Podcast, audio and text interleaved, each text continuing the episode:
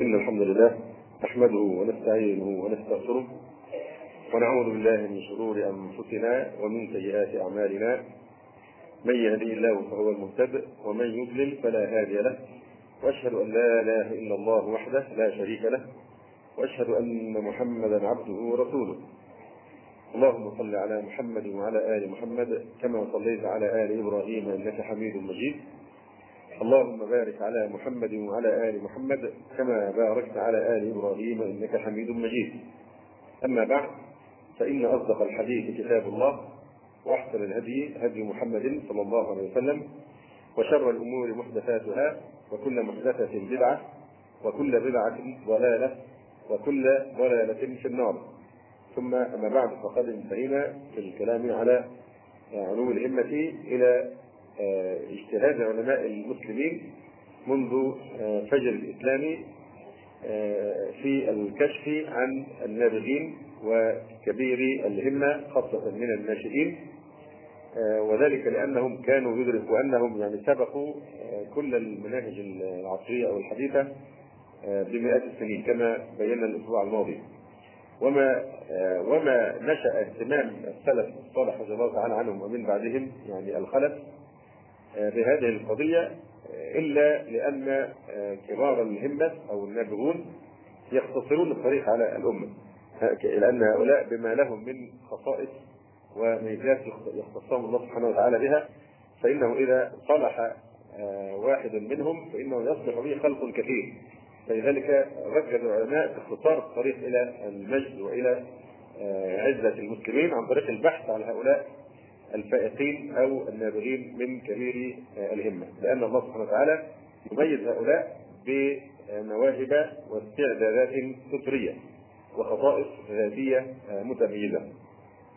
فهم ليسوا يعني مجرد أشخاص ماهرين في أداء اختبارات معينة أو مهارات من نوع خاص لكن هؤلاء يخلقهم الله سبحانه وتعالى ويرزقهم خصائص شخصية واجتماعية وبدنية تفوق ما عند أقرانهم العاديين.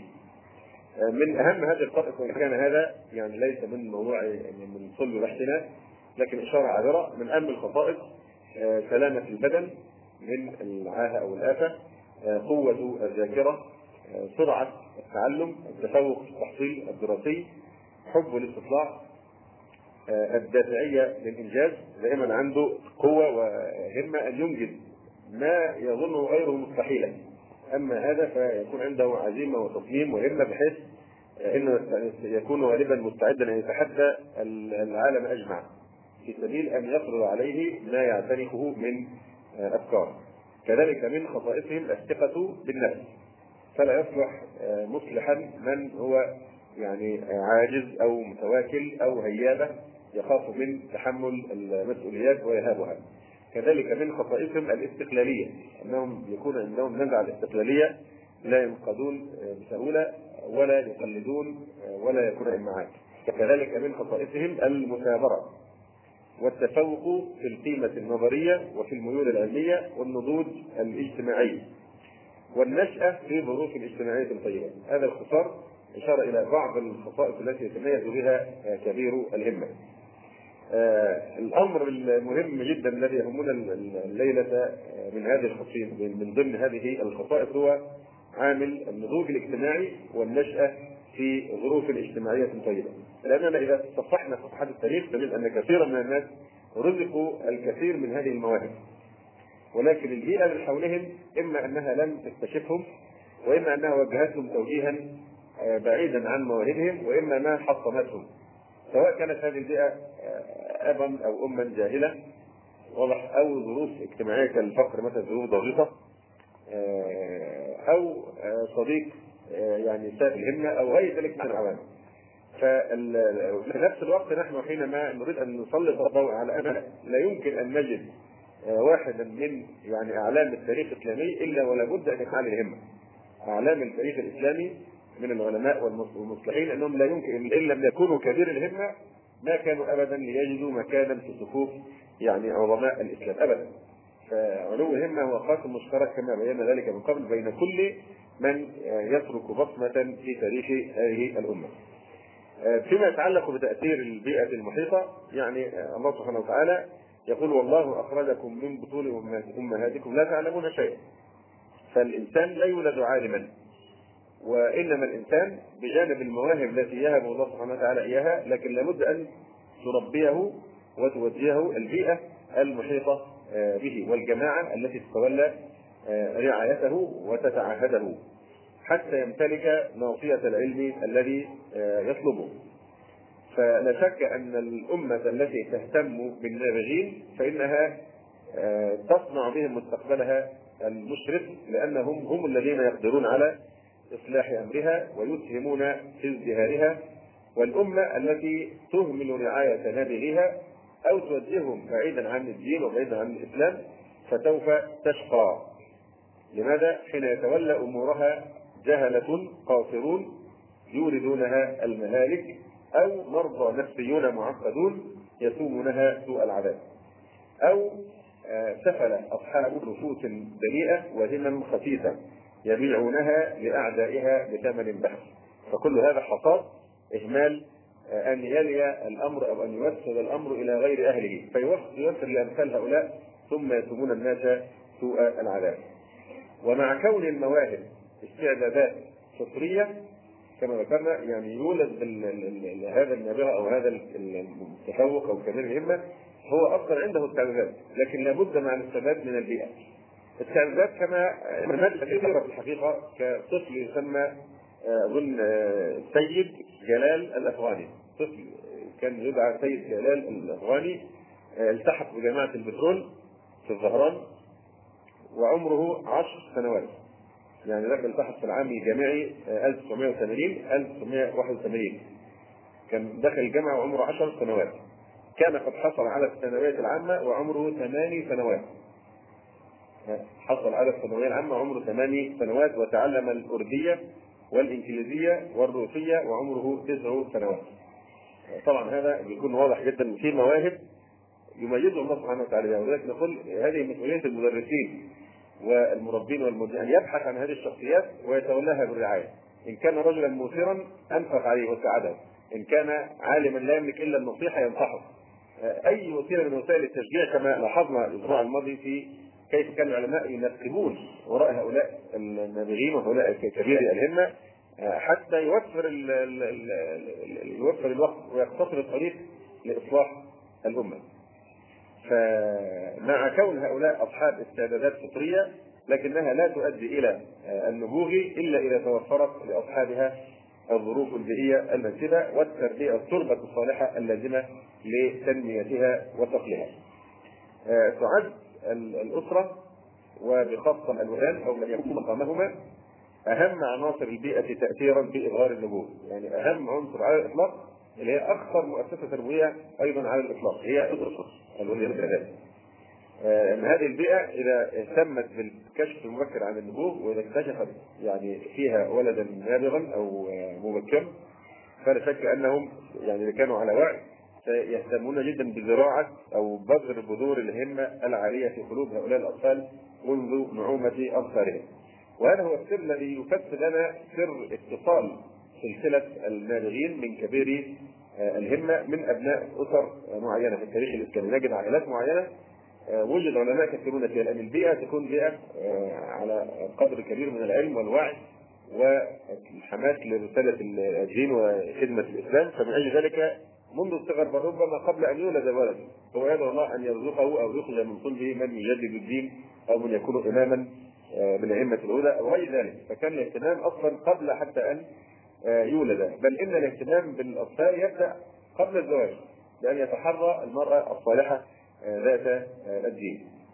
لاحظنا في الربع عائلات كآل آل تيمية مثلا آل الألوسي وغير ذلك من العائلات التي ظهر منها كثير من العلماء لماذا؟ أن اجتمعت استعدادات فطرية ولا شك أن هذه يدخل فيها عنصر الوراثة يتدخل عنصر الاستعدادات الفطرية الموروثة كذلك القدرات الإبداعية مع البيئة المساعدة والبيئة أهميتها أنها تكتشف مبكرا آه، هذه المواهب ثم إنها تنميها ثم توجهها إلى الطريق آه، الامثل.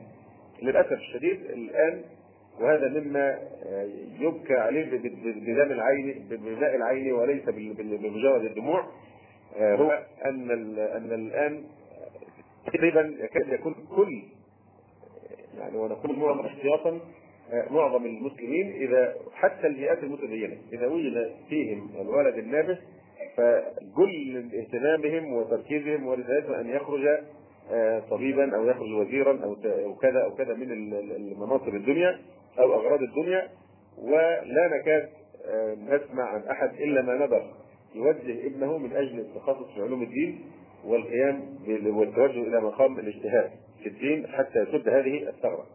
آه، الناس الآن كلهم انصرفت خدمتهم إلى طلب الدنيا وإلى خدمة الدنيا وإلى المنصب البراق وإلى المال وإلى غير ذلك من المرض لا نكاد نجد يعني أحدا يكون هدفه من طفولة منذ نعومة أظفار ابنه أن يكون إماما من أئمة المسلمين أن يوجهه إلى طلب العلم الشريف إلا ما نظر والله تعالى أعلم.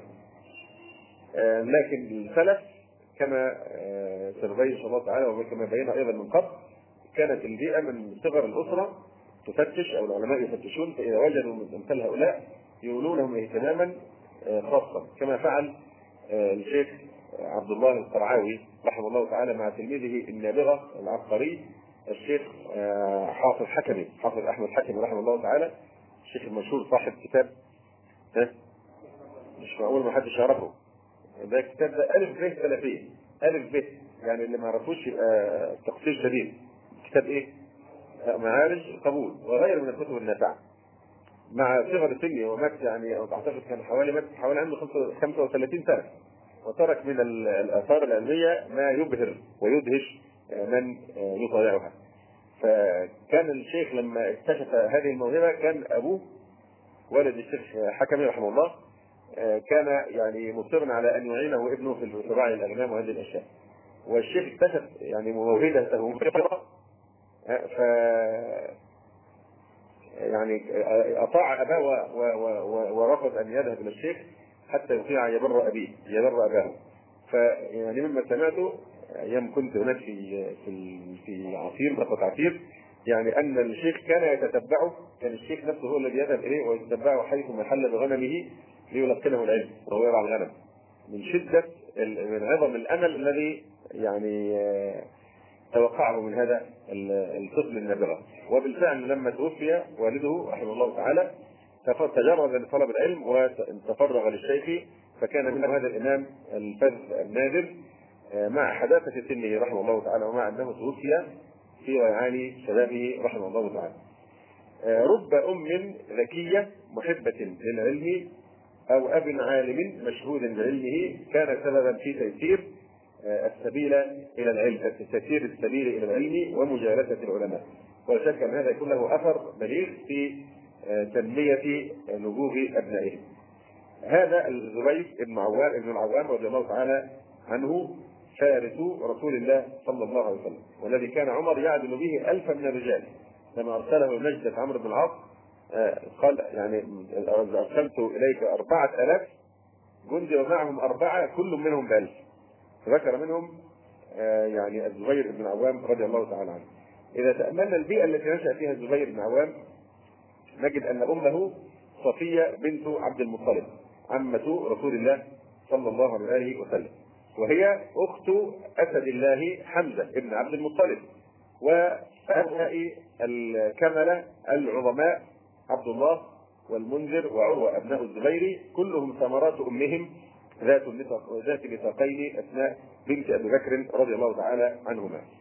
هذا أمير المؤمنين علي بن أبي طالب رضي الله تعالى عنه يتربى على أمه فاطمة بنت أسد وخديجة بنت خويلد رضي الله تعالى عنهما.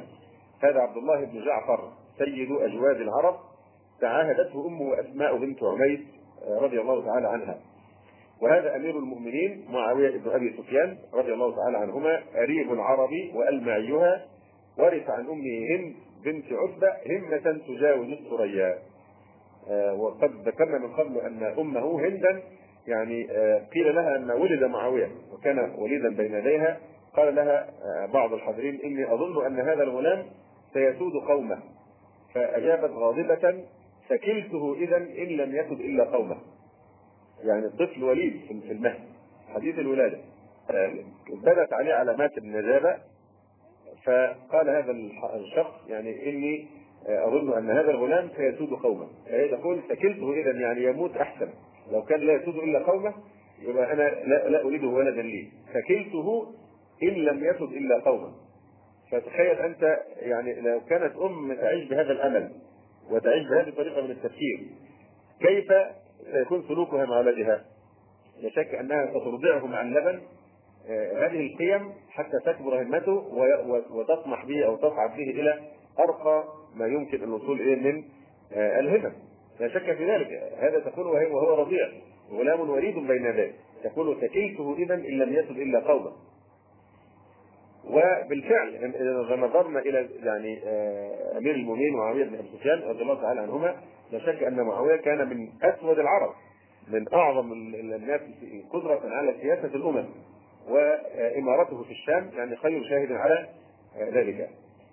هذه الأم نفسها لما نعي إليها ولدها يزيد بن أبي سفيان قال لها بعض المعزين إنا لنرجو أن يكون في معاوية خلف منه إن لنرجو أن يكون في معاوية خلف منه فقالت أو مثل معاوية يكون خلفا من أحد؟ والله لو جمعت العرب من أقطارها ثم رمي به فيها لخرج من أيها شاء. وكان معاوية رضي الله عنه إذا نوزع بالفخر بالمقدرة وجوزب بالمباهاة بالرأي انتسب إلى أمه. كان يفاخر الناس إذا احتاج أن يفتخر فيخضع أسماء خصومه بقوله أنا ابن هند. أنا ابن هند. فخرا بامه رضي الله تعالى عنها. هذا سفيان الثوري الإمام الجليل والعالم الشامخ.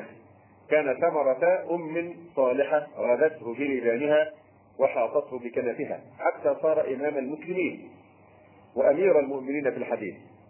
سفيان الثوري هو الذي قالت له أمه وهو طفل صغير يا بني اطلب العلم وأنا أكفيك بمغزلي.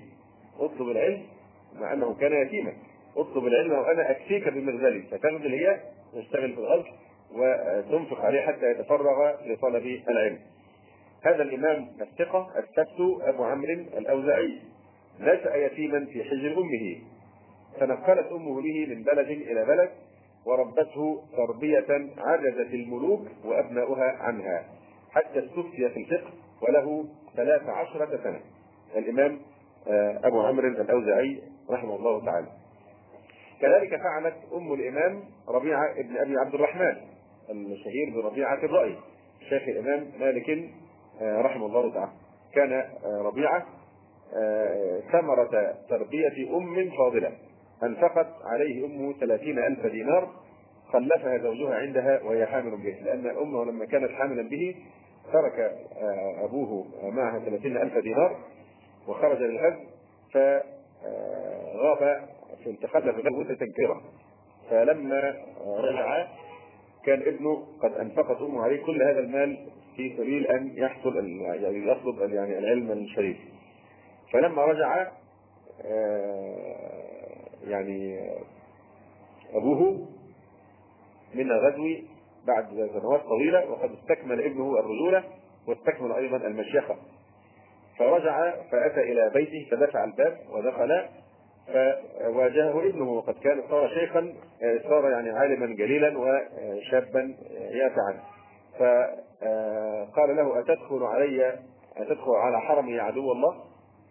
لما رأى رجلا أجنبيا وظنه رجل أجنبي دخل الباب واقتحمه فقال أتدخل على حرمي عدو الله؟ والمهم اشتبك الابن مع أبيه دون أن يعرفه. إلى أن اجتمع الناس والزحم عليهما ثم جاء الإمام مالك رحمه الله تعالى وقال له أيها الشيخ لك ساعة في غير هذه الدار. كنت محتاج الدار ابحث عن دار أخرى لك ساعة في هذه الدار. قال كيف؟ هذه هذه داري.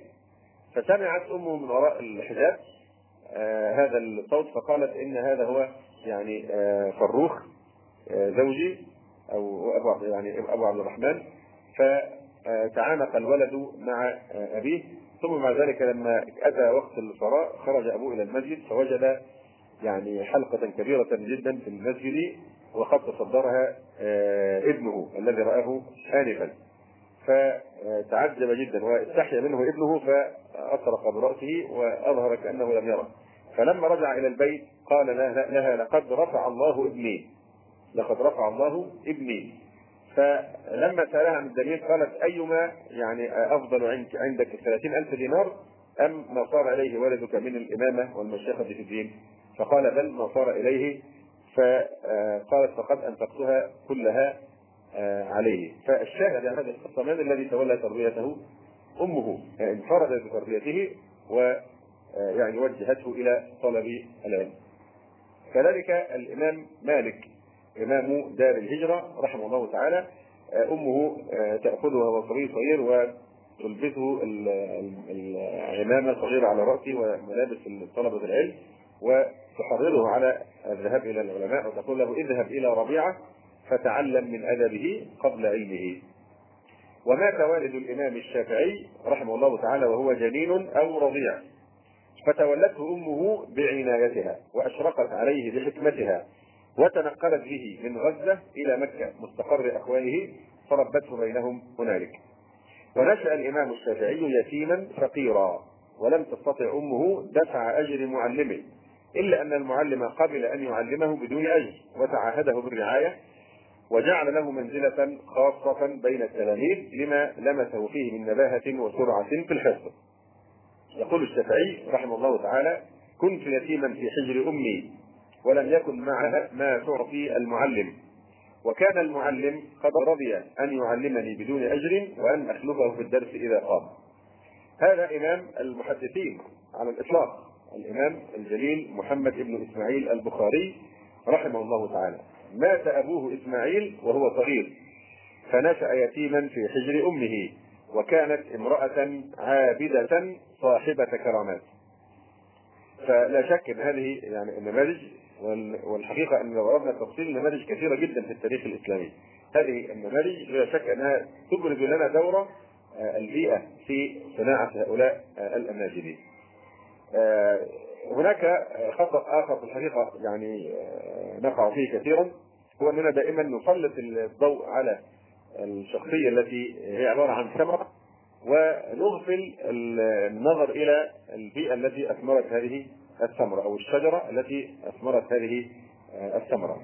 هل يمكن مثلا أن نغفل أثر البيئة ونركز فقط على ثمرة هذه البيئة في رجل مثل يعني أمير المؤمنين عمر بن عبد العزيز رحمه الله تعالى لماذا دائما نركز على عمر بن العزيز دون أن نلفت النظر إلى البيئة؟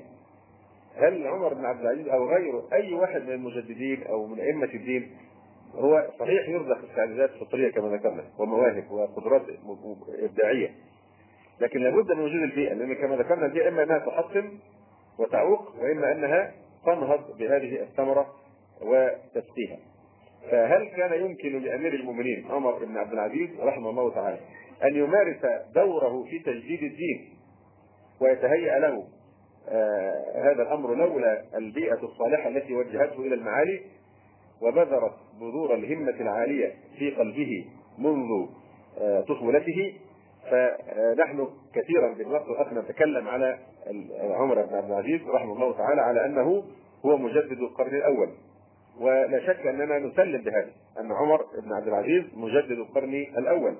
لكننا نقول أن عمر بن إن عمر بن عبد العزيز ما كان له أن يقوم بهذه الحركة التجديدية الواسعة الجوانب لولا وجود عدد كبير من اجلاء التابعين وسادتهم الذين كانوا بالفعل ساعده الأيمن في تنفيذ مشاريعه التجديدية العظيمة. وعلى رأسهم رجاء ابن حيوة الذي أشار يعني رجاء ابن حيوة له فضل على الأمة الإسلامية في موقف غير مجرى التاريخ كله لأن رجاء ابن حيوة هو الذي أشار على سليمان ابن عبد الملك عند وفاته باستخلاف أمير المؤمنين عمر بن عبد العزيز فكان لهذه الشورى ولهذه النصيحة الاثر العظيم الذي نشأ عنه تمكين عمر بن عبد العزيز من يعني القيام بدوره التجديدي الفذ. نتأمل بعض المواقف من طفوله عمر بن عبد العزيز لنعرف أن أن هو ما بينشأ إلا ببيئه وأننا مسؤولون عن توفير هذه البيئة يعني لأبنائنا. فعن سعيد بن عفير قال حدثنا يعقوب عن أبيه أن عبد العزيز بن مروان وهو والد عمر بن عبد العزيز بعث ابنه عمر إلى المدينة يتأدب بها يتأدب بها وكتب إلى صالح بن كيسان يتعاهده. فكان صالح بن كيسان يلزمه الصلوات يراقبه في الصلوات ويحث على الحضور على الصلوات ويشرف عليه في ذلك. فأبطأ يوما عن الصلاة يوم من الأيام تأخر وأتى مسبوقا عن الصلاة. فقال له صالح بن كيسان رحمه الله ما حبتك قال كانت مرجلتي تسكن شعري. كانت مرجلتي الخادمة الخادمة متخصصة في تخصيص شعري. كانت مرجلتي تسكن شعري. يعني بعض الناس أحيانا يتكلمون إن عمر بن عزيز نشأ بيئة في بيئة مترفة وكذا وكذا. نعم مترفة لكنها بيئة دينة. بيئه دينه وعمر بن طلب العلم. عمر بن عزيز ما يعني وصل للإمامة آه، بمجرد انقلاب سياسي أو مجرد القفز إلى مقعد السلطة. عمر بن عزيز إمام لائمه الاجتهاد آه، رحمه الله تعالى. يعني وصل لاعلى مراتب العلم. واضح؟ فمع آه، الترف الذي كان فيه وأنه كان يعيش هذه المعيشة المترفة لكن أمر الدين ما كان فيه مستوى كانت مردلتي تسكن شعري وهذا وهو صبي صغير. فقال له صالح بن كيسان بلغ من تسكين شعرك أن تؤثره على الصلاة؟ بلغ من تسكين شعرك مهتم بتسكين شعرك إلى حد ان يؤخرك عن حضور الصلاة؟ بلغ من تسكين شعرك أن تؤثره على الصلاة؟ ماذا فعل؟ وكتب بذلك إلى والده. فبعث عبد العزيز رسولا إليه فما كلمه حتى حلق شعره. أبوه أرسل رسول قال لا تكلمه كلمة واحدة حتى تحلق شعره كله. عقوبة له على أن يعني آه أنه آثر تسكين شعره على حضور الصلاة آه في أولها. فمعنى ما معنى ما معنى هذا؟ هذا يعكس بيئة آه يعني انظر كيف يرسل ولده إلى المدينة لا ليتعلم فقط لكن كي يتادب ثم يكلف واحدا من العلماء الأتقياء أن يشرف عليه وعلى تربيته ويتعاهده ويراقب حضوره في الصلوات. فإن تكلف مرة ضبطه قال آه، حبسك إلى آخره. ويرسل إلى أبيه شكوى أنه تأخر عن صلاة بسبب هذا الأمر التافه. فيرسل أبوه هذا الرسول فما كلمه حتى حلق شعره. وعن أبي قبيل أن عمر بن عبد العزيز رحمه الله تعالى بكى وهو غلام صغير. فأرسلت إليه أمه وقالت ما يبكيك؟ قال ذكرت الموت. قال وهو طفل صغير. قال ذكرت الموت. قال وكان, وكان يومئذ قد جمع القرآن فبكت أمه حين بلغها ذلك. ونقل الزبير بن بكار عن العزلي قال إن أول ما استبين من عمر بن عبد العزيز أن أباه ولي مصر وهو حديث السن يشك في بلوغه أول ما استبين يعني أول العلامات التي أظهرت أن هذا شخص غير عادي. إن عمر بن عبد هذا شخص يعني ينتظره مستقبل آه، عظيم. آه، أنه لما لما ولي أبوه مصر كان حديث السن. يشك هل بلغ أم لا. فأراد إخراجه. فقال يا أبتي أو غير ذلك؟ لعله أن يكون أنفع لي ولك. ترحلني إلى المدينة فأقعد إلى فقهاء أهلها وأتأدب بآدابهم فوجهه إلى المدينة فاشتهر بها بالعلم والعقل مع حداثة سنه. آه، نقفز قفزة أخرى. نتكلم على خصيصة أخرى من خصائص التي أشرنا إليها في مقدمة الكلام والتي يتميز بها النابغون أو الفائقون أو كبار الهمة. أشرنا إليها ضمنا وهي قضية النضوج الاجتماعي المبكر بجانب النشأة في بيئة اجتماعية طيبة تساعده على الازدهار كذلك النضوج الاجتماعي آه، المبكر يعني كما أن الطفل ينمو هو بينمو في عدة اتجاهات كما أن جسمه بينمو باستمرار له ملامح معينة وعلامات في نموه في كل المراحل العمرية كذلك نفسه تنمو وروحه تنمو شخصيته تنمو آه هناك نوع من النمو النمو الاجتماعي النمو الاجتماعي في تعامله مع المجتمع آه من حوله والنضج الاجتماعي المبكر الذي يؤهله أن يتحمل المسؤوليات آه، من حداثة سنه نحن إذا تأملنا أعمار كثير من العلماء الذين رحلوا إلى طلب العلم رحلوا في طلب العلم في آفاق الأرض نجد أن بعضهم كان سنه مثلا 13 سنة 10 سنوات آه، أو ما بين العشرة والعشرين مثلا. واضح؟ فهذا الشاب الذي عمره 13 سنة كالإمام ابن جرير الطبري مثلا أو غيره من الأئمة الذي يرحل إلى أقطار الأرض في طلب العلم. آه، وما كانت طبعا وسائل المواصلات المرفهة موجودة في هذا المال. واضح؟ وما معنى ذلك؟ يعني هو كن أبوه كون أبيه أو أمه أو وليه أو شيخه يتركه يرحل في الأرض لطلب العلم ما معنى هذا؟ هذه يعني إشارة عظيمة جدا إلى النضوج الاجتماعي الذي كان يبلغه هؤلاء العلماء. نضج اجتماعي بمعنى أنه يستطيع أن يواجه الناس وحده يسافر وحده يتحمل مسؤولية نفسه يغترب واضح؟ يصارع الفقر يصارع المرض يصارع الوحدة يستطيع أن يتعامل مع الناس. كل هذا هي يعني من أمارات النضوج الاجتماعي المبكر. ف يعني لأن بعض الأباء أحيانا يرتكب خطيئة الحماية الزائدة الحماية الزائدة للولد. عايزه حتى لما يكون ده وصل ثانوي ما عنديش شغله إنه يمسكه من إيديه. واضح؟ فيطيل فترة الطفولة في عمر هذا الطفل هذا الشاب. واضح؟ كثير من الأباء يظل من خوفه على إبنه والحماية الزائدة له ما يحمله أي مسؤولية. واضح؟ ولا نريد أن نخرج عن موضوعنا لأن هذا موضوع حيوي إن شاء الله نرجو أن نتكلم فيه. فيما بعد من حيث أخطاؤنا التربوية في معاملة هؤلاء الأبناء. على أي الأحوال نحضر أو نذكر أن نموذجا نقصد قبسه ونصل إلى القرن الثاني عشر الهجري حيث يحدثنا والد شيخ الإسلام محمد بن عبد الوهاب رحمه الله تعالى وهو يعني يعني صاحب أعظم حركة تجديدية منذ القرن الثاني عشر إلى الآن. شيخ الإسلام محمد بن عبد الوهاب رحمه الله تعالى ولا ينكر دوره التجديدي العظيم إلا جاحد. إلا جاحد. فاكتشف والده فيه النضج الاجتماعي المبكر. فراح أبوه ينمي ثقته بنفسه ويصقل مواهبه ويعده لتحمل المسؤوليات. كتب أبوه يوما إلى صاحب له فقال له وهو يتكلم عن ولده محمد بن عبد الوهاب يقول تحققت أنه بلغ الاحتلام قبل إكمال سن اثنتي عشرة سنة على التمام. ورأيته أهلا للصلاة بالجماعة والائتمام بلغ في هذه السن ورآه أهلا عنده الأهلية شخصيته عنده الأهلية أن يصلي الجماعة ويصلي إماما بالناس. فقدمته فقدمته إماما. لماذا؟ لمعرفته بالأحكام. لأنه كان ربي على الفقه وعلى العلم رحمه الله تعالى. فقدمه أبوه ليكون إماما. تنمية الثقة بالنفس وتنمية الايه؟ الشخصية والنضوج الاجتماعي المبكر. يقول أبوه وزوجته بعد البلوغ مباشرة. آه ثم طلب مني. طبعا في هذا الزمان كثيرا نجد يعني ممكن الشاب في مثل هذا السن قد يكون وصل مرحلة البلوغ لكن النضج الجسدي لا يتوافق مع النضج الاجتماعي. يعني دي ما تكونش قاعدة إن الواحد يتزوج عنده 12 سنة لماذا؟ لأن دي نتكلم أنا عن حاله استثنائيه ونشير إلى خصيصه الإيه؟ النضج الاجتماعي المبكر قادر على تحمل المسؤولية إلا فتخيلوا لو أن شبابا من هذا من شباب هذا الزمان 12 سنة أو 13 أو حتى 17 يتحمل المسؤولية كم من المشاكل يمكن أن تنجم نتيجة إيه؟ تخلف في النضوج الاجتماعي. فنحن نتكلم الآن عن حالة على حالة فذه تميزت بظهور النضج الاجتماعي مبكرا يقول ابوه وزوجته بعد البلوغ مباشرة ثم طلب مني الحج إلى بيت الله الحرام. فأجبته بالإسعاف إلى ذلك المرام فحج وقضى ركن الإسلام.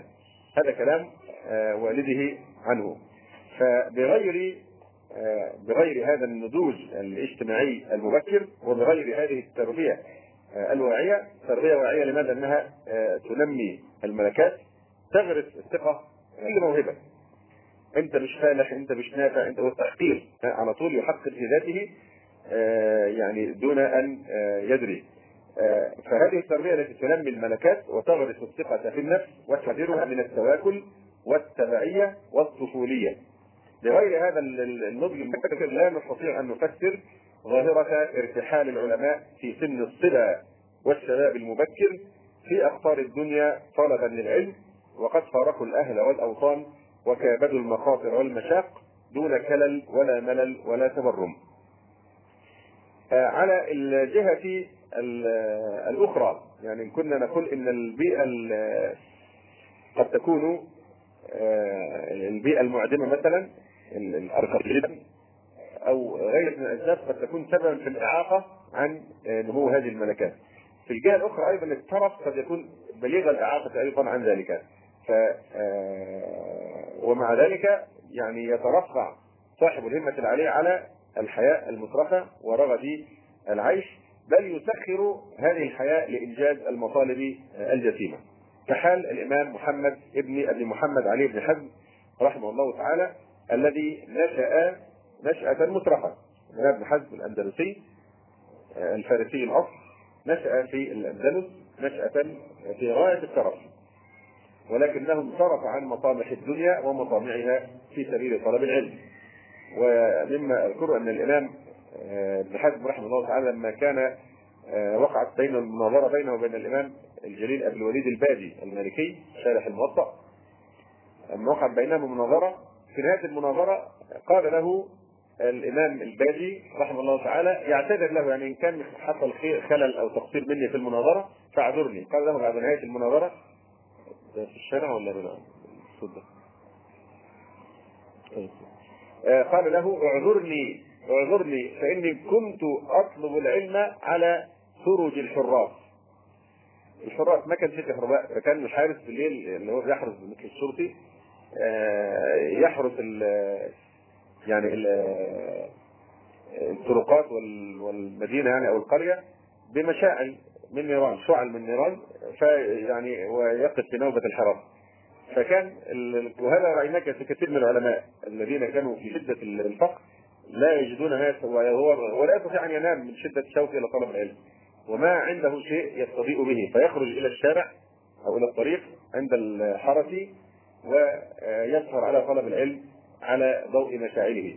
فقال له الإمام أبو الوليد الجري رحمه الله تعالى اعذرني فإني كنت أطلب العلم على سرج أو سرج الحراس. فقال له الإمام آه، الإمام ابن حزم رحمه الله تعالى واعذرني أيضا فاني كنت أطلب العلم على منائل الذهب والفضة. ماذا يعني؟ يعني الإمام ابن الوليد اللاجي رحمه الله تعالى يرى أن الفقر الذي كان فيه آه، معيق عن طلب العلم. وهو طلب العلم بالمكابدة وبالسهر على مشاعر الحراس.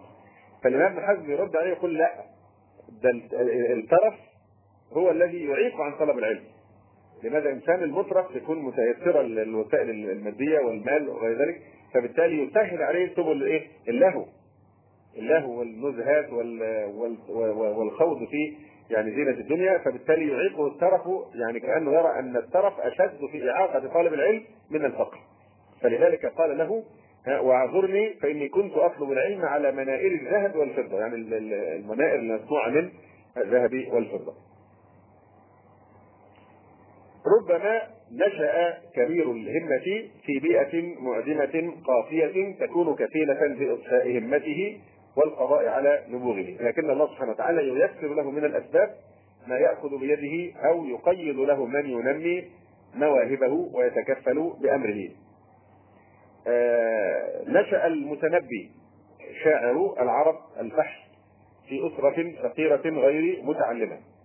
طبعا المتنبي بلا شك شخصية عليها بعض الملاحظات لكن أيضا بلا شك المتنبي من من أكابر من أعظم الناس في علو همتهم آه، وهذا بين لمن يعرف ترجمته. فنشأ في بيئة آه، غير معينة له على ذلك لكن الله قيض له فرصة التعليم المجاني في كتاب خاص بأبناء أشراف الكفر وشجعه أصحاب المكتبات كان أصحاب المكتبات يشجعونه على أن يقرأ الكتب بدون مقابل.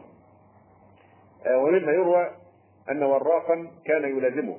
آه، الإمام أو المتنبي حكى الوراق عن المتنبي فقال كان اليوم عندي وقد أحضر رجل كتابا في نحو ثلاثين ورقة لبيعه.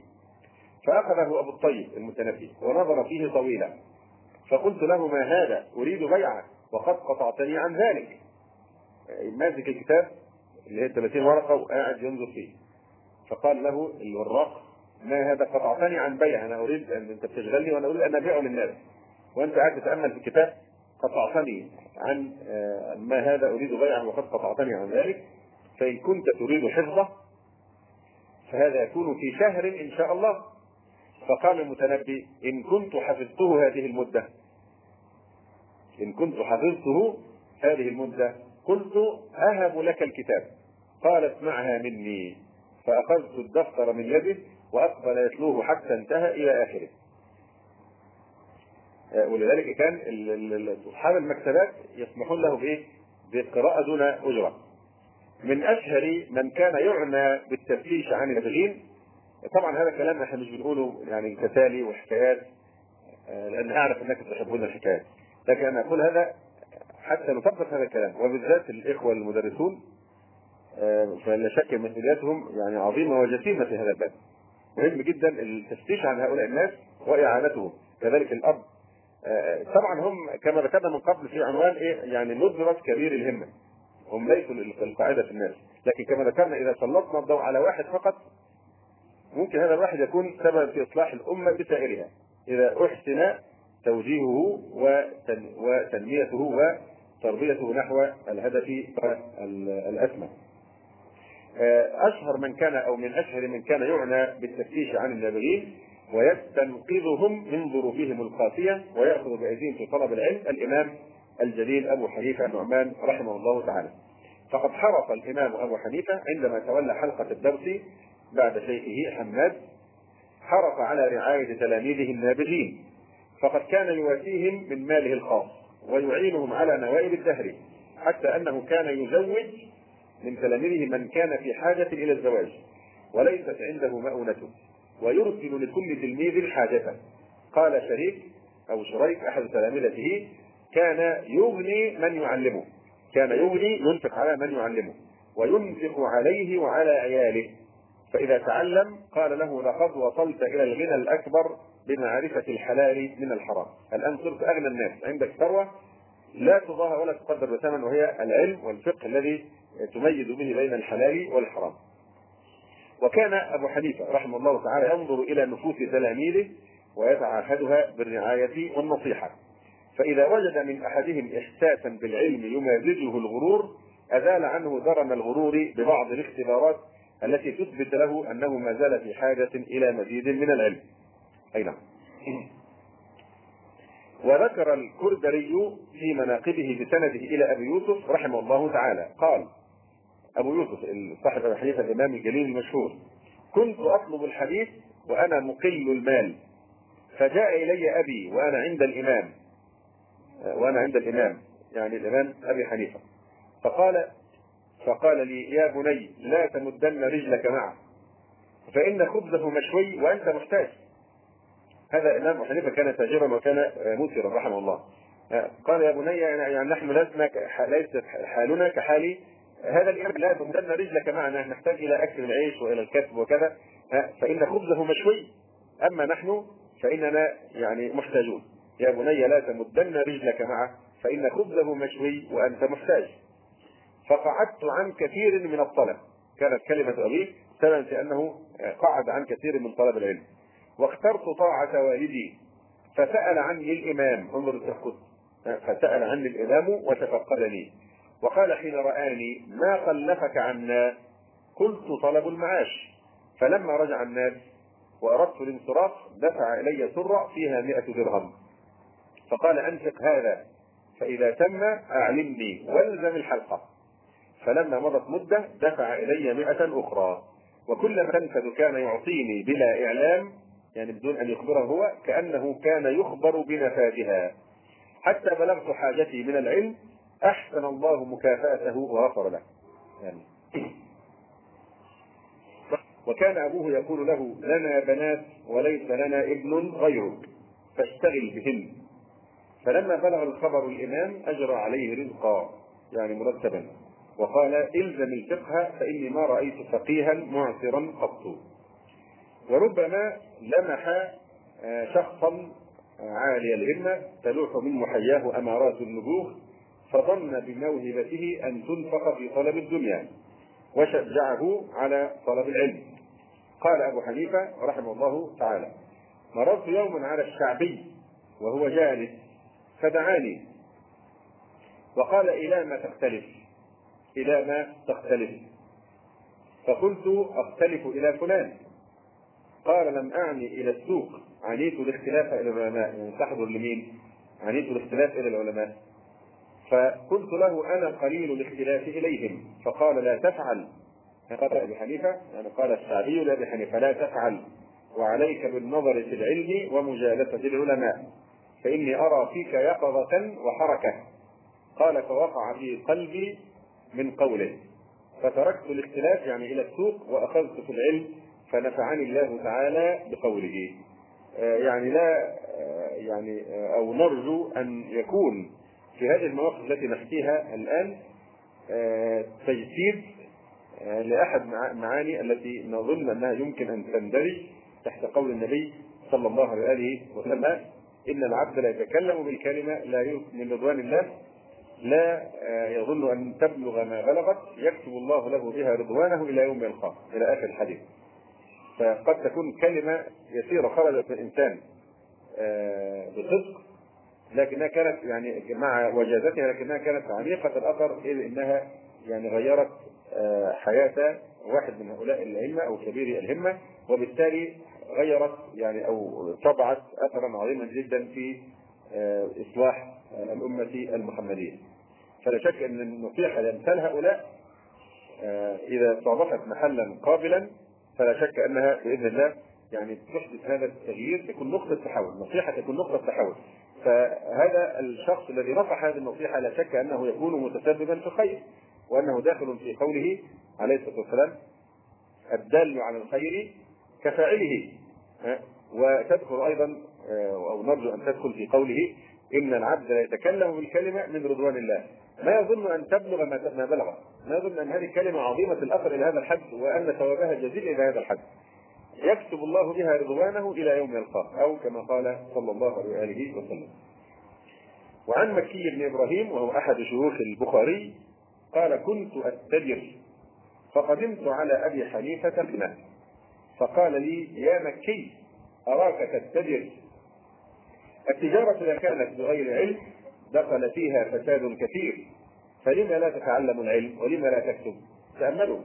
انظر كيف لما يجد واحدا نابغة يوجهه لطلب العلم الشرعي العلم الشريف. مع أنه منشغل بالدنيا ما يقول لها المسلمين محتاجين راس المال والمسلمين محتاجين المشاريع الاقتصادية.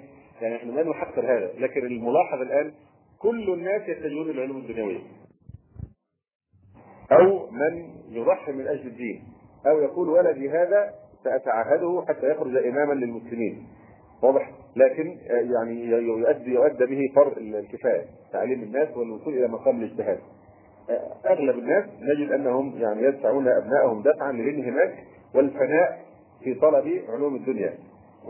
ولذلك الأمل يعني كبير في الإخوة الذين بدأ يعني يخرج منهم الجيل الثاني بل به فرض الكفاية تعليم الناس والوصول إلى مقام الاجتهاد أغلب الناس نجد أنهم يعني يدفعون أبنائهم دفعا للانهماك والفناء في طلب علوم الدنيا ولذلك الأمل يعني كبير في الإخوة الذين بدأ يعني يخرج منهم الجيل الثاني بل الثالث يعني أن يعني يصلوا إلى هذه الحقيقة وأن يحققوا ولاءهم للإسلام في في تجريد أبنائهم من أجل نصرة الإسلام.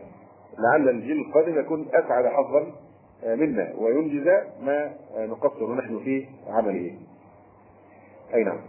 يقول آه الإمام مكي ابن إبراهيم فلم يزل بي ما معنى لم يزل بي يعني مثابرة ومداومة. لم يزل بي إلحاح وإقناع ومحاورة. فلم يزل بي حتى أخذت في العلم وكتابته وتعلمه. فرزقني الله منه شيئا كثيرا. فلا أزال أدعو لأبي حنيفة في دبر كل صلاة وعندما ذكرته لأن الله ببركته فتح لي باب العلم. آه ربما كان لتجربة الإمام أبي حنيفة رحمه الله تعالى مع شيخه الإمام حماد أثر عظيم في مسلكه هذا. فقد كان ابن حنيفة مقتديا في مسلكه مع هؤلاء النوابغ بتربية إمامه له حماد رحمه الله تعالى. فقد اكتشف حماد نبوغ أبي حنيفة وعلو همته فخصه برعايته وقربه من مجلسه مؤملا أن يكون حسنة من حسناته يهديها إلى الأمة. فقد انخرط أبو حنيفة النعمان في التعليم على يد شيخه حماد بالمسجد الجامع بالكوفة. وعندما لمس فيه النجابة وسرعة الحفظ وسلامة التفكير أجلسه بإزائه واحترم رأيه. وشجعه على الاجتهاد والاستقلال بالرأي ولم يتبرم من كثرة أسئلته واستفساراته لما فيها من عمق ودقة مما يروى أن أبا حنيفة انصرف من مجلس حماد بعد أن سأله عدة أسئلة. يعني سأل شيخه عدة أسئلة وألح في الجدل حتى احمر وجه حماد. احمر وجه شيخه من إيه؟ من من من النقاش ومن آه الأسئلة. فبعد ما خرج أبو حنيفة قال لجاره واصفا صلاح تلميذه قال هذا على ما ترى منه يقوم الليل كله ويحييه هذا على ما ترى منه يعني إنه تلميذ يعني آه عايزين كلمة مناسبة؟ يعني كما كما ترى يعني تلميذ يكتب أسئلة وحتى درجة الشيخ ويلحق الأسئلة ويجادله حتى أحمر وجه الشيخ. ومع ذلك انظر إنصاف شيخه قال هذا على ما ترى منه يعني انهماكه في في المناقشات وفي الرأي وفي الأخذ والمجادلة إلى هذا الحد. ومع ذلك هو لا يقصر ولا يهل بالعبادة. يقول هذا على ما ترى منه يقوم الليل كله ويحييه.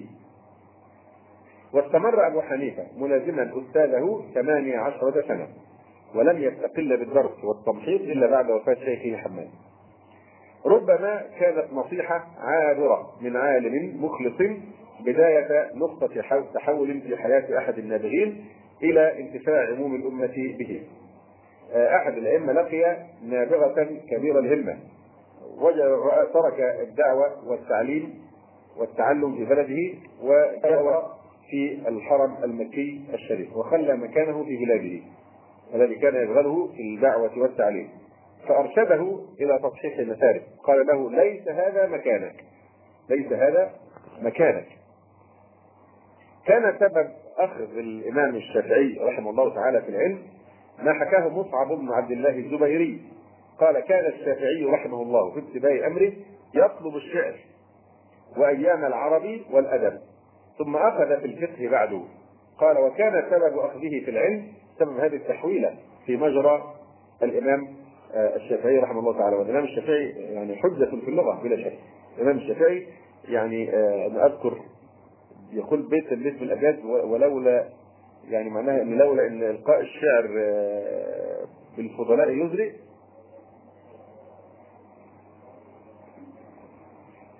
أنا مش سامع كويس يا احمد آه نعم. لو لولا أن الشعر بالعلماء أو بالفضلاء يزري لقال الناس أشعر من لبيدي آه. على أي الاحوال هذا المعنى؟ أن يعني الإمام الشافعي كان لو لو لو ترك نفسه على سجيته في الشعر لقال الناس إنه أشعر من لبيد واضح؟ الشاعر الجبلي المعروف. ف وكذلك العلامة الجليل الإمام الشنقيطي رحمه الله تعالى كان على مقدرة عجيبة جدا في في الشعر.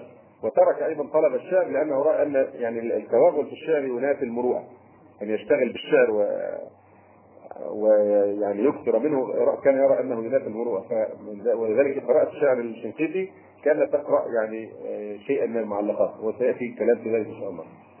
المهم أن الإمام الشافعي بدأ بطلب الشعر وأيام العربي والأدب وأخذ في الفقه بعد ذلك طرأ عليه طلب الفقه. كان سبب أخذه في العلم أنه كان يوما يسير على دابة له وخلفه كاتب آه لأبي. لأبي يعني عبد الله الزبيري. فتمثل الشافعي ببيت شعر. فقرعه كاتب أبي بصوته. سمعه كاتب أبي يتمثل في أثناء الكلام ببيت من الشعر. فقرعه من خلفه بالصوت. ثم قال له مثلك يذهب بمروءته في مثل هذا. أين أنت من الفقه؟ مثلك يذهب بمروءته في مثل هذا. أين أنت من الفقه؟ فهزه ذلك. هذه كلمة هزت الإمام الشافعي. فقصد مجالسة الزنجي مسلم بن خالد وكان مفتي مكة ثم قدم علينا فلزم مالك ابن أنس رحمه الله تعالى. وعن الشافعي قال رحمه الله كنت أنظر في الشعر فارتقيت عقبة بمنى فإذا صوت من خلفي عليك بالفقه. وعن الحميدي قال قال الشافعي خرجت أطلب النحو والأدب. يعني انظر كيف البيئة من حوله. كلمة التشجيع والنصيحة المخلصة توجهه إلى هذا المسار الصحيح الذي يفيد به الأمة. يعني هل الأمة كانت تستفيد من الشافعي إذا خرج شاعرا فحلا كما استفادت منه بعد أن صار اماما جليلا؟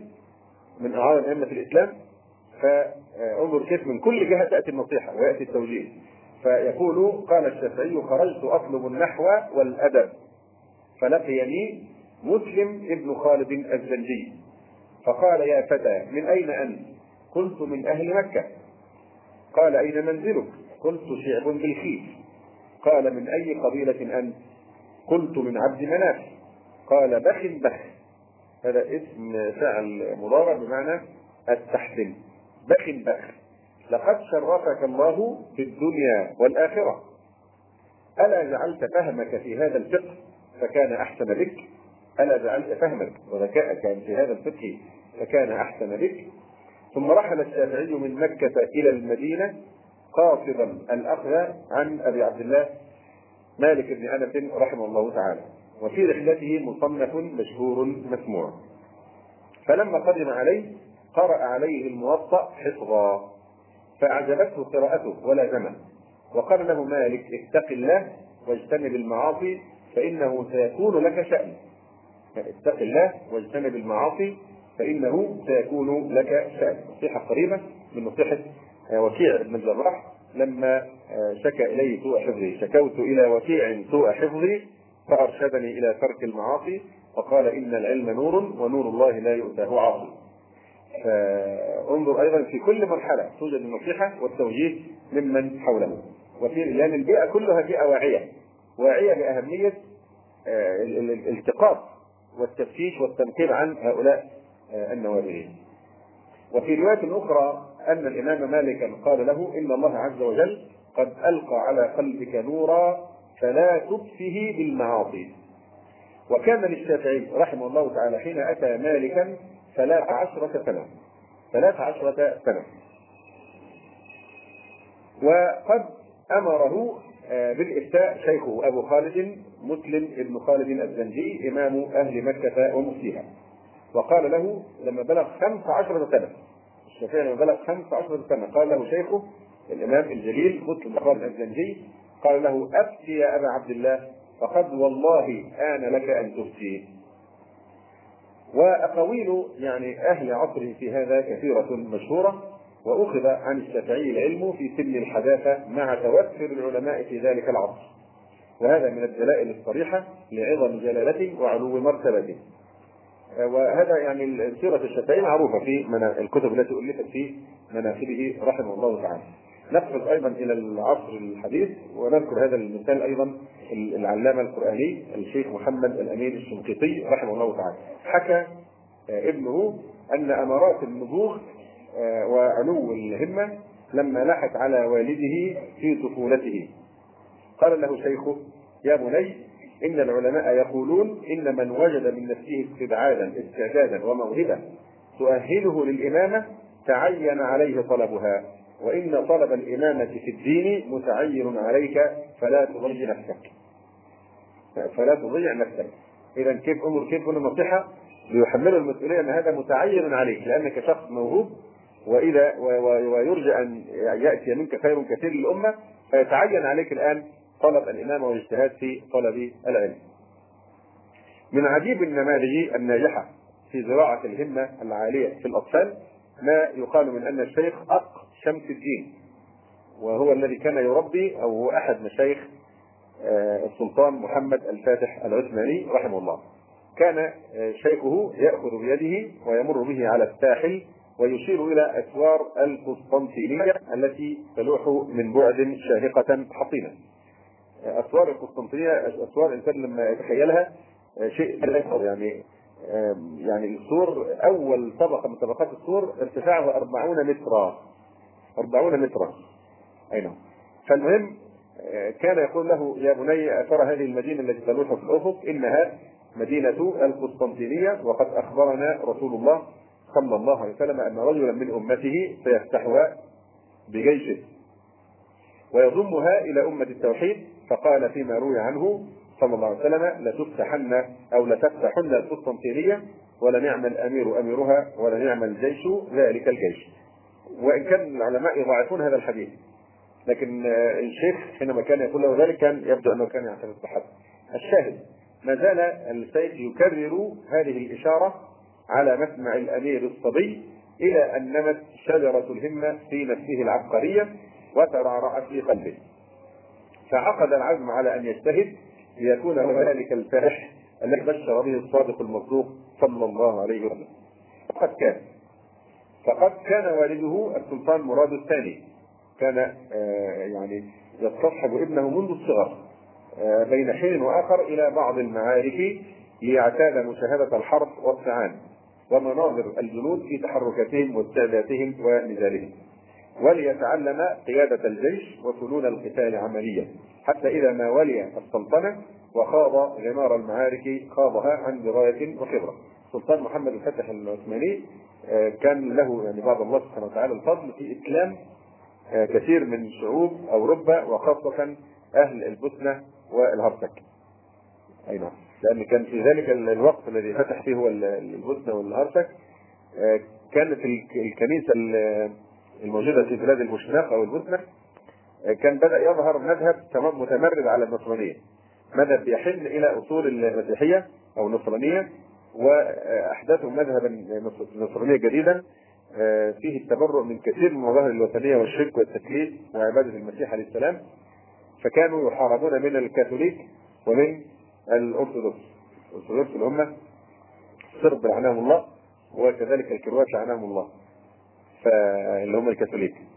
فكان الصراع على أشده في هذا الوقت في هذه الوقت. فلما دخل محمد الفاتح العثماني رحمه الله تعالى ويعني اشرق عليهم نور الإسلام انقادوا للإسلام ودخلوا آه، تقريبا الأمة المسلمه تقريبا بكاملها آه، من هؤلاء الطائفة دخلوا في دين آه، الإسلام.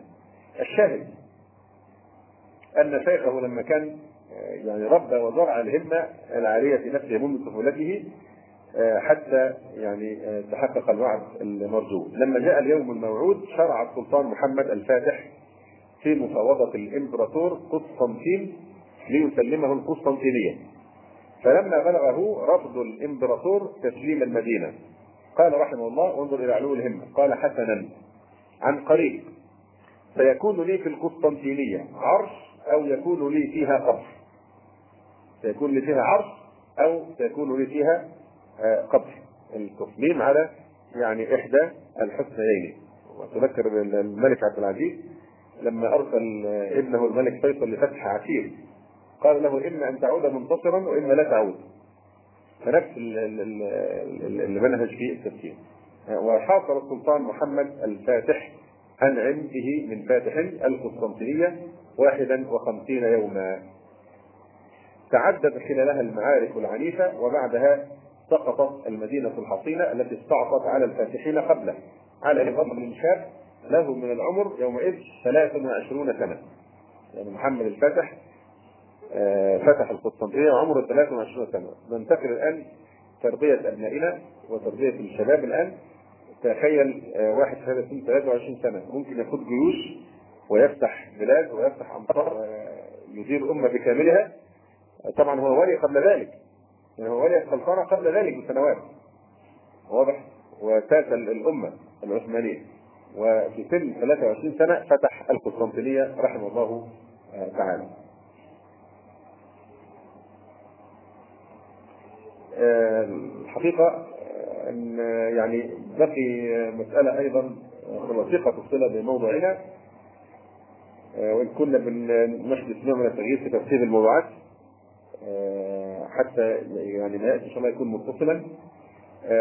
إذا كنا نتكلم على مرحلة الطفولة ويعني التنقيب عن النابغين ورعايتهم والاهتمام المبكر بهم وزراعة الهمة العاليه في يعني في قلوبهم؟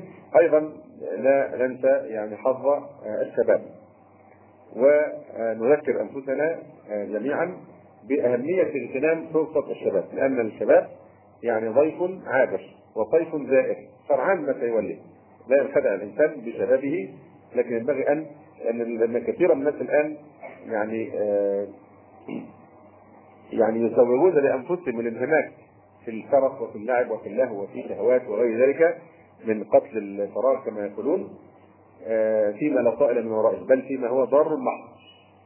آه بحجة شاب ما زلت شابا ويعني آه، كأن الإنسان لا يتمتع بشبابه إلا إذا عاش في الأرض فسادا واضح؟ الواحده تتحجب مثلا وهي شابة يقال لها أنت ما زلت شابة لما تكبري والترتيب المعروف تروح تحج ولا تعتمر وبعدين بعد كده تحج واضح فمع إن الشرع يعني نظر بعكس هذا كما بينا من قبل الشابه هي التي تتحدث العجوز القاعد التي لا فتنة من ورائها لا بأس أن آه، يعني تكشف الوجه والكفين كما بينا والقواعد والنساء التي لا يرجون نكاحا فليس عليهن جناح أن يضعن ثيابهن غير متبرجات بزين فإذا كان إنسان يعني لا يقبل على الله وهو شاب متى سيقبل على الله؟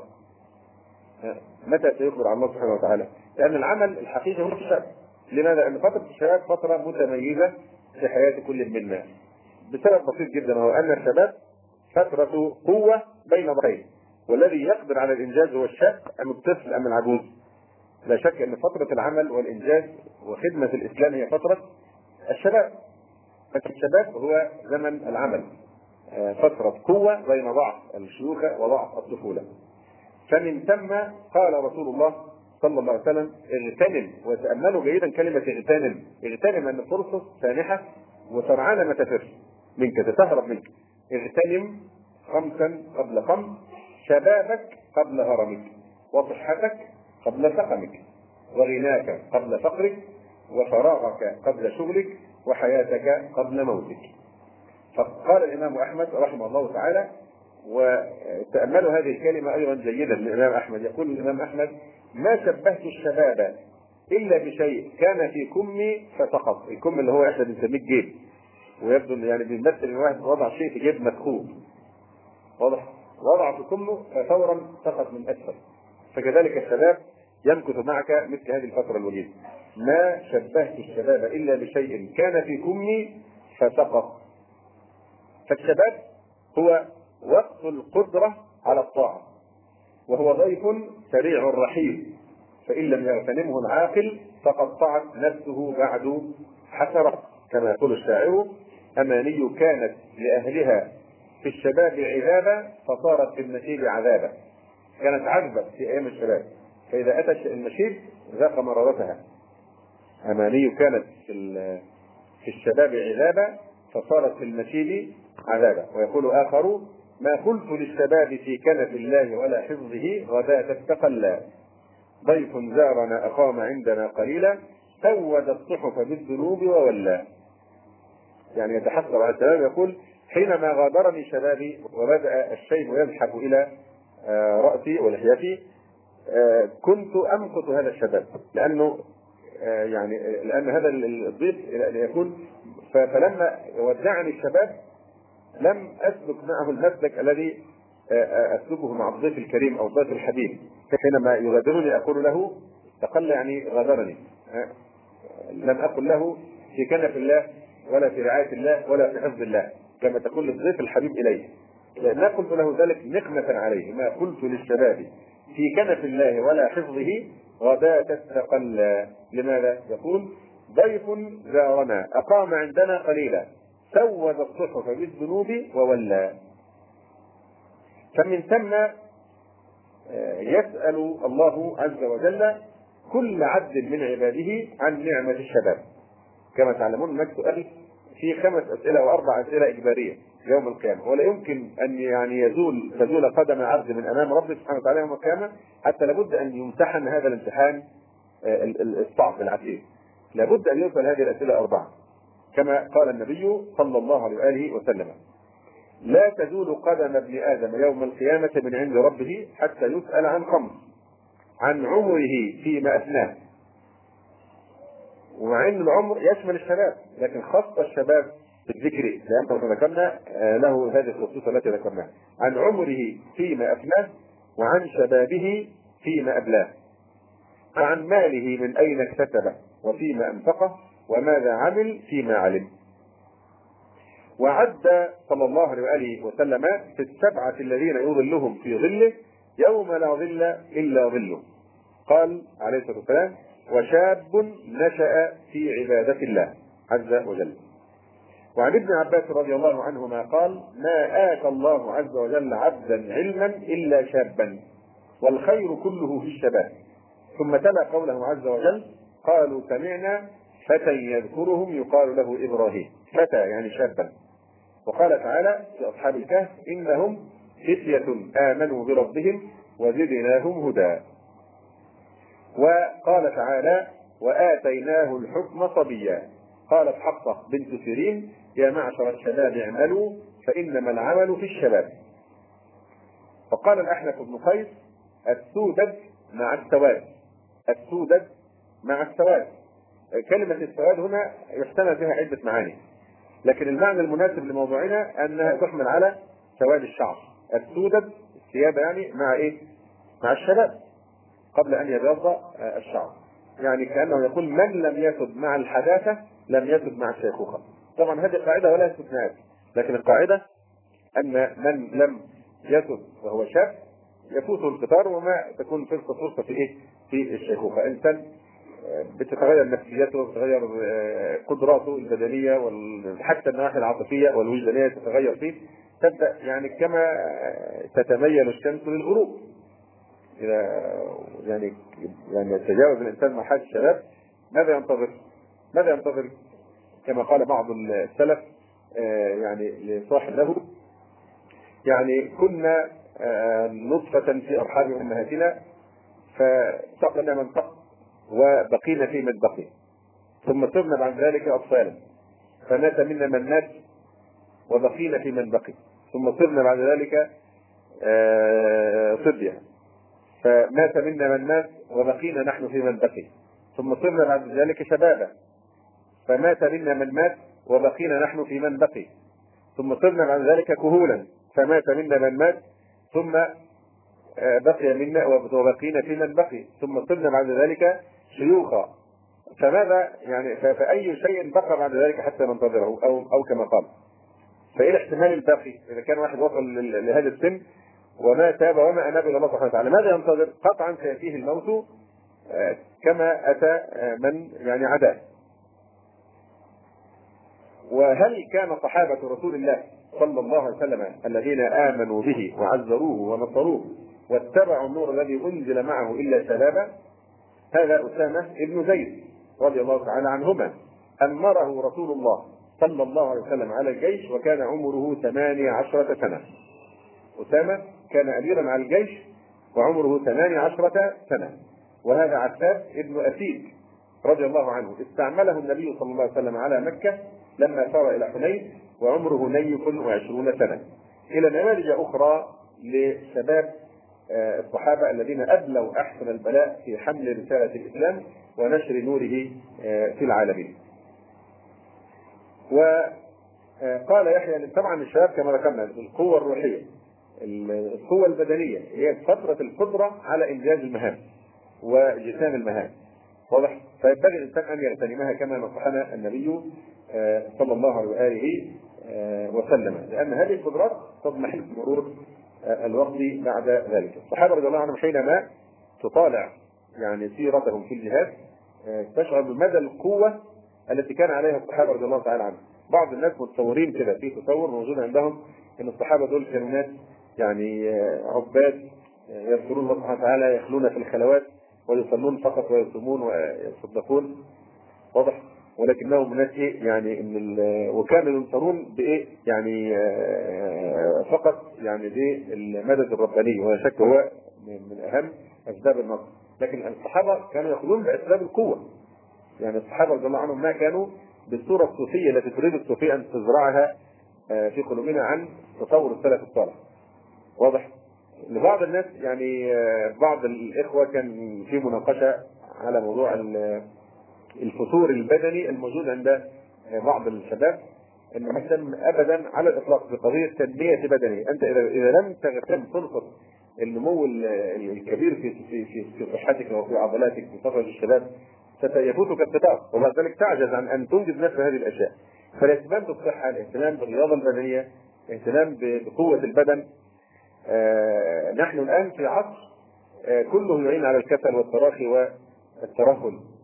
فيحتاج إلى أن يكون في جدول كل منا نوع من ال ال ال الإنجاز بالجهد العضلي حتى يستطيع أن يحافظ على صحته ويكون قويا على الأقل يدافع عن نفسه على الأقل ينهى عن المنكر إذا احتاج. وغير ذلك من أسباب الرسول عليه الصلاة والسلام يقول والرسول عليه الصلاة والسلام يقول المؤمن القوي خير وأحب إلى الله من المؤمن الضعيف في كل خير. واضح؟ ف بعض الإخوة كنت في مناقشه معه فيقول لي يعني هي الصحابة كانت بتجري أو بتمارس شيء من هذه الرياضات فقلت له أنت يعني أنت هل أنت غافل عن أن حياة الصحابة كلها عبارة عن حركة وركض وجهاد؟ الصحابة رضي الله تعالى عنهم والرجال الاولى التي فتحت الدنيا فتحتها باغلب الأسباب أيضا في هذا في هذا الجانب. الصحابة ما عرفوا جلسة المكاتب وما عرفوا قياده السيارات وما كانوا آه، يجلسون على المكاتب حتى تنتفخ يعني منهم الكروش. الصحابة ما عرفوا هذا والسلف ما عرفوا هذا. عرفوا الجوع وعرفوا السهر وعرفوا الجد.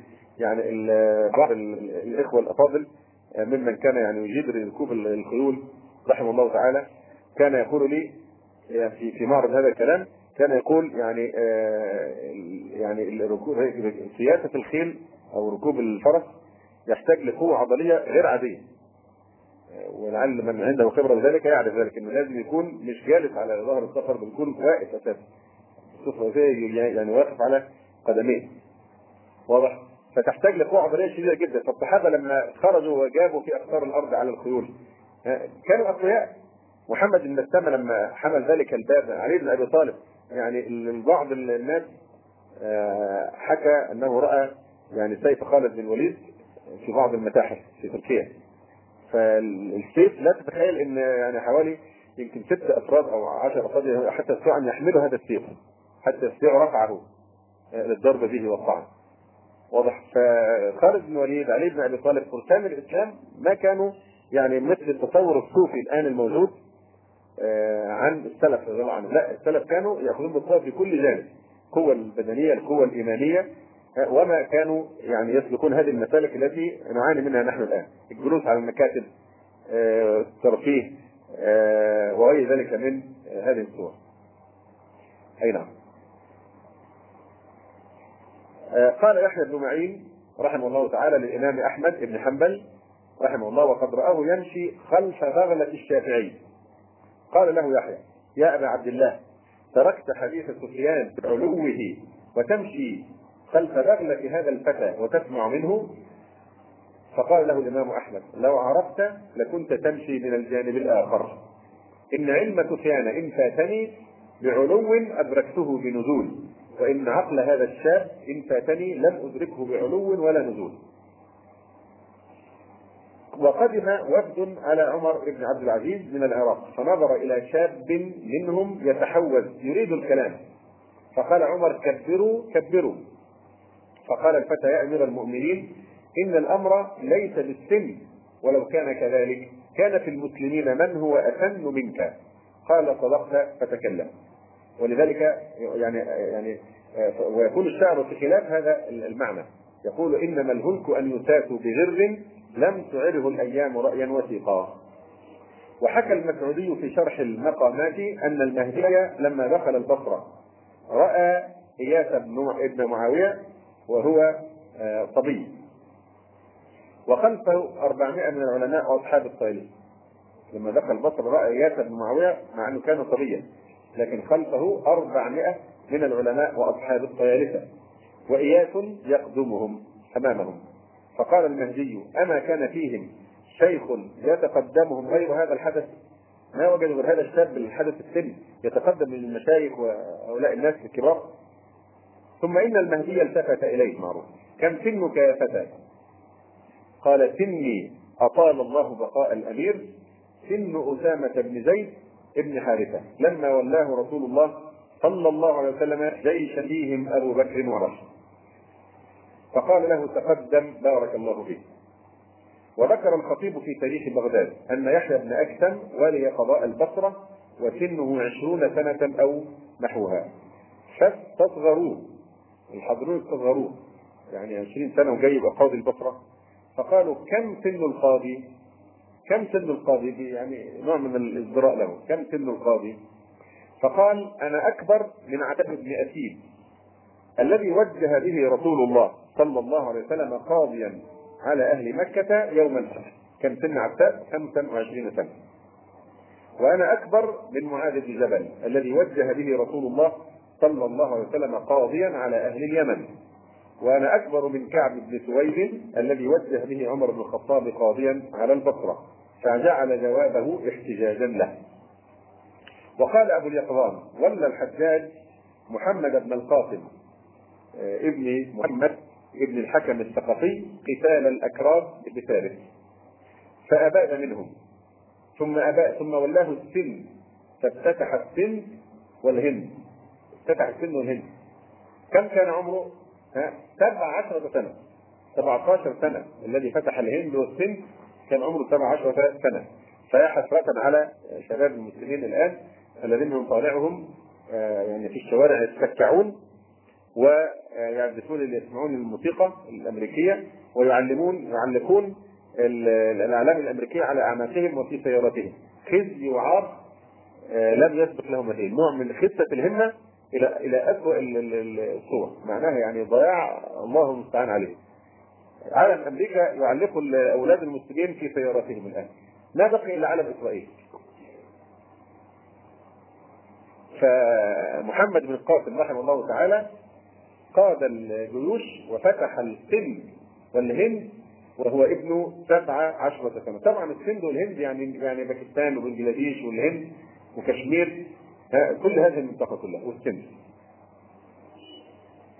فقال فيه الشاعر إن السماحة والمروءة والندى لمحمد بن قاسم بن محمد قاد الجيوش لسبع عشرة حجة يا قرب ذا سوددا من مولدي.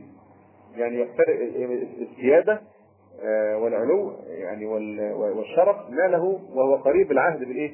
بسن ميلاده. يا قرب ذا سوددا من آه، من مولده ويروى يا قرب ذا سورة من مولده. سورة هي المنزلة الرفيعة.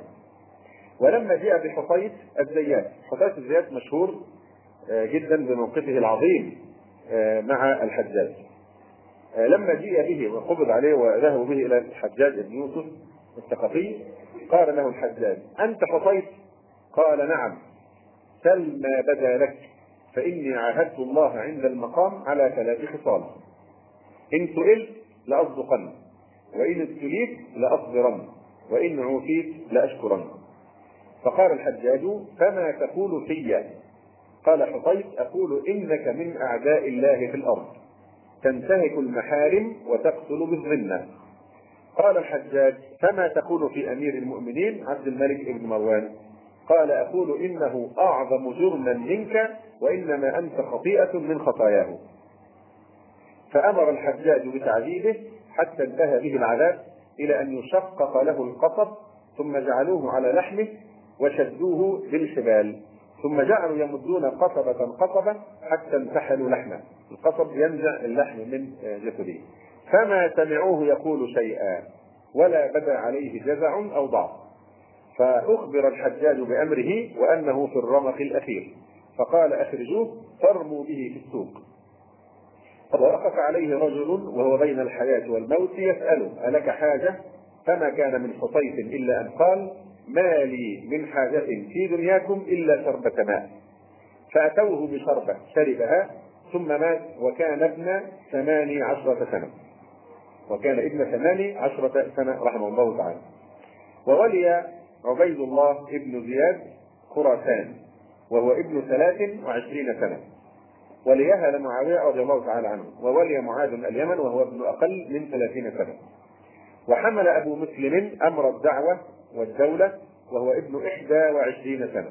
وحمل ابنه عن إبراهيم النخعي وهو ابن ثمان عشرة سنة. ومات به إمام نحو وحجة العرب وله من العمر اثنتان وثلاثون سنة. قال البحثري آه، في هذا المعنى لا تنظرن وهو يمدح الشخص اسمه العباس يعني آه، أنه أدرك المجد مع أنه صغير. قال لا تنظرن إلى العباس من صغر. في السن وانظر إلى المجد الذي شاد إن النجوم نجوم الأفق أصغرها. في العين أذهبها في الجو إصعادا. ما معنى الكلام. لا تنظرن إلى العباس من صغر في السن. يعني لا تحتقره لصغر سنه لكن انظر إلى المجد الذي شاد الذي بناه. إن النجوم نجوم الأفق النجوم التي تراها اصغرها في العين أذهبها في الجو إصعادا. يعني آه، ترى النجوم القريبة ها آه، أكبر من النجوم البعيدة. وكلما آه، بعد النجم وارتفع كلما بدا بصورة إيه؟ أصغر. إن النجوم نجوم الأفق أصغرها في العين أذهبها في الجو إصعادا. فالشباب هم الشريحة الفعالة من الأمة. وهم عمودها وهم عمودها الفقري وجهازها العضلي وروحها الحية وطبيعتها الوثابة فلا يمكن أن يتصور نجاح دعوة أو آه، حركة لا تقوم على حماس الشباب وعلى قوته وبأسه. فعلينا أن نتذكر يعني موعظة رسول الله صلى الله عليه وآله وسلم اغتنم شبابك قبل هرمك قبل أن يسقط الشباب منكم منك. أقول قولي هذا وأستغفر الله لي ولكم سبحانك اللهم ربنا وبحمدك أشهد أن لا إله إلا أنت. أستغفرك وأتوب إليك. وصلى الله وسلم وبارك على عبده ورسوله محمد وعلى آله وصحبه أجمعين. السلام عليكم ورحمة الله وبركاته.